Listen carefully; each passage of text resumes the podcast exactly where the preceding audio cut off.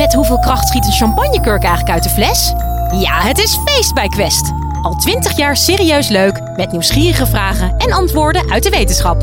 Zo maken we Nederland elke dag een stukje slimmer. Nu in de winkel en op quest.nl. Spannende filmscènes. Never say no to a hostage taker. Een politie die onderhandelt met een crimineel. Now we can fix this, but you've got to let me help you. Of het nu gaat om een gijzeling of ontvoering, het is allemaal spectaculair. En we hangen aan de lippen van die ene agent die de wereld gaat redden. No!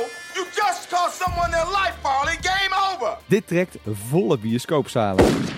Maar hoe gaat dit in het echt? In Amsterdam is een gijzeling gaande bij de Apple Store midden in de stad.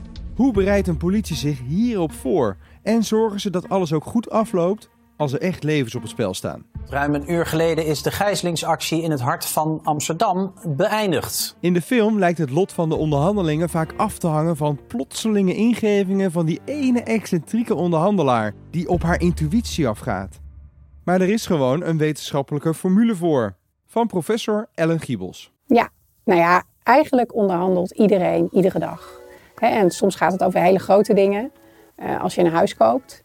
Maar je onderhandelt eh, misschien met je partner over eh, wat je vanavond gaat eten. Als je niet helemaal dezelfde smaak hebt qua eten. Of als je al kinderen hebt met een, eh, een peuter of kleuter die niet naar bed wil of niet wil eten. Criminelen zijn dus net kleuters tijdens onderhandelingen? Of is het nou toch andersom? Nou ja, Ellen weet als geen ander hoe je moet dealen met dit soort situaties. Hoe moet je onderhandelen? Ik ben ooit begonnen, ongeveer 30 jaar geleden, met onderzoek naar meer eh, zakelijke onderhandelingen. Dus hoe sluiten managers bijvoorbeeld deals? En dat kan trouwens soms ook heel spannend zijn hoor, een hele grote zakelijke deal. Ehm, maar ik merkte wel toen ik met de politie ging werken dat ik dacht, oh jee, ja, dit gaat over mensenlevens. En dat het ook heel erg makkelijk kan ontsporen. En vaak hebben mensen die eh, eh, in zo'n situatie terechtkomen, hebben vaak heel erg veel wantrouwen naar de politie toe. Ehm, ja, en dat maakt natuurlijk de uitgangspositie heel erg lastig. Eh, dus je moet eerst heel veel investeren in de relatie. En laten zien dat je echt geïnteresseerd bent. En dat vond ik heel intrigerend om daar meer onderzoek naar te doen. Ellen analyseerde honderden gesprekken van politieonderhandelingen. En zo ontrafelde ze een wetenschappelijke formule waarmee ze criminelen kan beïnvloeden. Tien simpele regels. Ze noemt het zelf de tafel van 10. Tien beïnvloedingsstrategieën. En ik ga ze alle tien even noemen. Maak je geen zorgen als je het niet direct kunt onthouden, want ze komen allemaal nog terug. Het zijn aardig zijn, gelijkwaardig zijn, geloofwaardig zijn, emotioneel appel, intimidatie, beperking opleggen, directe druk, legitimeren, ruilen en als laatste overtuigen op basis van logica en feiten. Iedere dag gebruiken we ze maar vaak onbewust. Dus een van de dingen die ik heb gedaan is in kaart brengen van wat doen mensen nou eigenlijk en in welke situatie uh, ja, heeft dat nou effect? Pakt dat nou goed uit of niet goed uit? Zonder dat jij het doorhebt, gebruik je die tafel van 10 ook al. Maar als hij nou nog beter in je kop zit, kan je hem ook beter inzetten. Ik ben iemand bijvoorbeeld die heel erg terugvalt op die logica. Maar dat wil natuurlijk niet altijd automatisch zeggen dat dat ook iets is wat jou aanspreekt of wat effect heeft op jou als ik met jou zou onderhandelen. Het probleem is vaak dat mensen, en zeker als ze gestrest zijn of het iets spannend vinden, dat ze eigenlijk meer van hetzelfde doen. Dus bijvoorbeeld, als je het hebt over gebruik van logica, wat ik dan zelf doe, als ik het gevoel heb dat dat niet bij jou aankomt, hè, dat rationeel overtuigen, um, dan denk ik, oh, ik heb het niet goed uitgelegd. Dus dan ga ik het nog een keer uitleggen. Of ik denk, ik moet meer argumenten verzinnen. Dus dan verzin ik er nog van alles bij. Maar misschien is dat helemaal niet iets waar jij door aangesproken wordt. En misschien moet ik eigenlijk op dat moment me realiseren: hé, hey, een andere strategie zou beter zijn in dit geval. Dus daarom is die bewustwording zo uh, belangrijk. Oké, maar hoe gebruik je dit dan bijvoorbeeld bij een kleuter die niet naar bed wil? Nou, wat heel veel mensen volgens mij doen als ze een kind hebben dat niet naar bed wil, is dat ze dat blijven herhalen. Hè? Dus als ouder dan zeggen, nou, kom op, hup, naar bed. Nou, kom op, ben je nog niet, hup, naar bed. Nou, dat noemen wij uh, directe druk. Hè? Dat is eigenlijk het herhalen van een boodschap. Nou, in veel gevallen bij kinderen uh, werkt dat niet, want die zijn daar... Uh, nou ja, die kunnen daar goed weerstand tegen bieden. Die denken waarschijnlijk, zolang ik hier nog zit op de bank, is er niks aan de hand.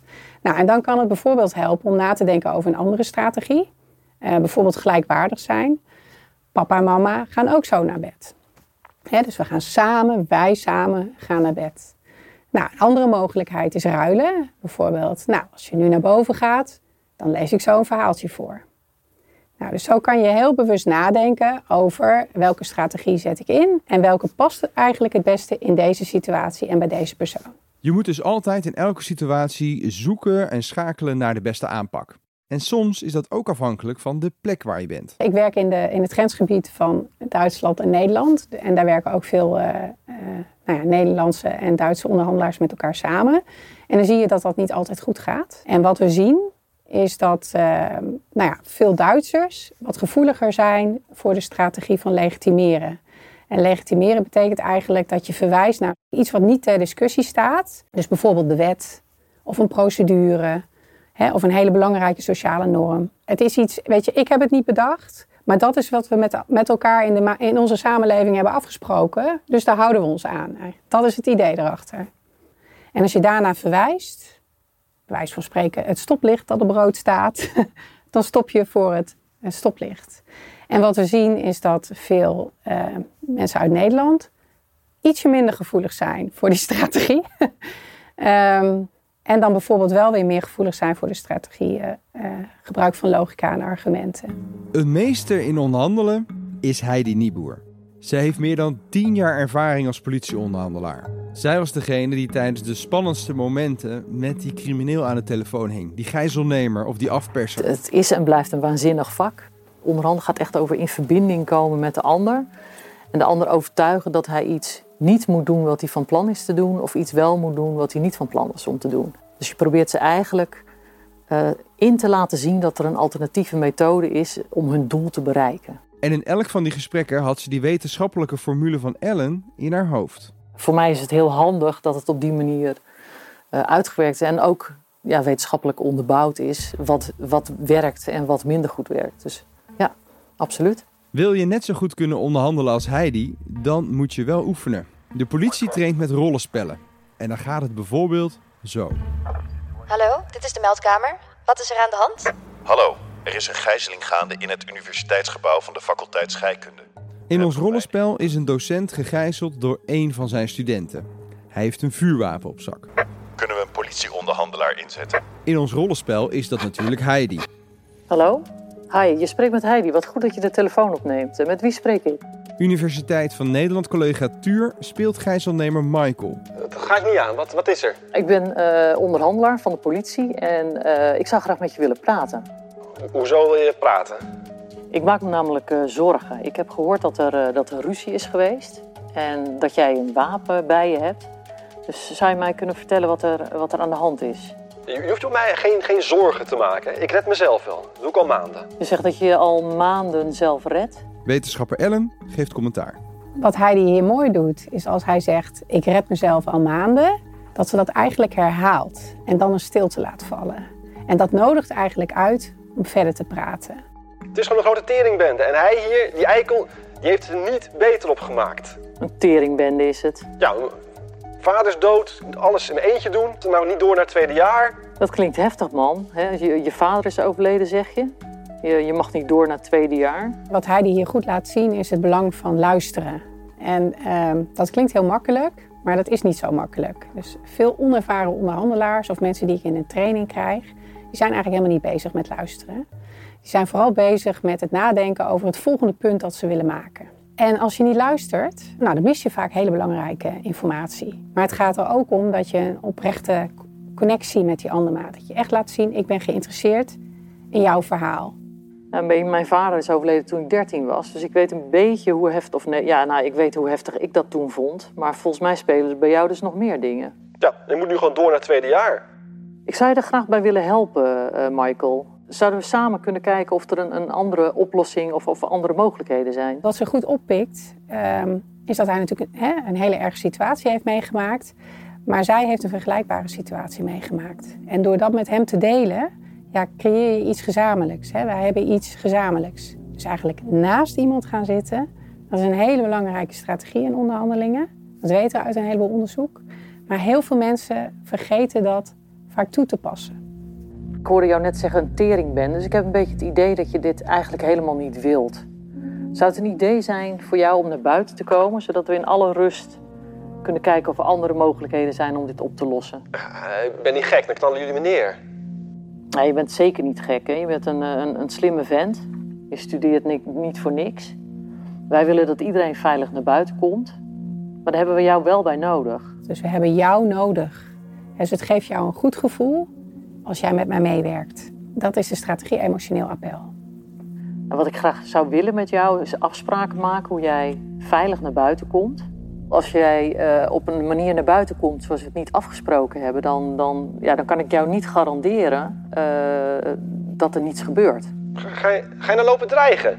Vergeet niet wie hier de touwtjes in handen heeft, hè? Ik hoef de trekker maar over te halen en het is klaar. Nee, sorry Michael. Ik probeer absoluut niet te dreigen. Maar ik bedoel, ik wil echt benadrukken hoe belangrijk het is dat wij samen goede afspraken maken. Hoe jij naar buiten gaat komen. En dat is de strategie intimidatie. Dat uh, nou ja, hem eigenlijk waarschuwt voor consequenties als hij iets doet. Dit is een strategie die ook riskant kan zijn. Um, een ander kan dat echt als een dreigement uh, opvatten. Dus dat kan makkelijk escaleren. En wat je ziet is dat Heidi dit direct eigenlijk adresseert door te zeggen... Uh, Michael, ik wil niet dreigen. En dat werkt dan deescalerend. Zou het een idee zijn, uh, Michael, om naar buiten te komen? En dat we hier dan rustig verder praten? Waarom zou ik naar buiten komen? Dan heb ik niks meer. Dan loopt hij daar weg, blijf ik zitten, valt alles toch nog in elkaar. Ik wil het regelen nu. Waarom zou ik naar buiten komen? Nou, ik denk zelf als je naar buiten komt dat je de situatie beheersbaar houdt. Volgens mij zitten de problemen breder ook dan alleen doorgaan naar het tweede jaar. Hè? Als ik hoor wat er aan de hand is thuis met je moeder. Het is toch allemaal ook niet op te lossen zo? Nee, dat is pittig. En daar heb je volgens mij hulp bij nodig. En ik zou je daar ook graag bij willen helpen, Michael. Wat je hier ook ziet, is dat uh, Heidi hier uh, een aantal dingen herhaalt. Uh, onderhandelaars doen dat vaak heel bewust. Dat noemen we de tactiek van de directe druk. En dat betekent eigenlijk dat als je dingen herhaalt, gaat dat op een gegeven moment in je hoofd zitten. He, dus sommige onderhandelaars zeggen al heel vroeg in een onderhandeling wat ze graag willen. Niet omdat ze denken dat die ander daar direct mee instemt, maar om een zaadje te planten. Michael, hoe, hoe ga jij straks naar buiten komen? Ik doe de deur open en ik loop naar jullie toe. Wat ga je met het wapen doen, Michael? Dat leg ik op de grond voor me neer. Zullen we afspreken dat je die op tafel laat liggen in de kamer? En dat je dan naar buiten komt met je hand omhoog? Oké. Okay. Ja? Okay. Ja.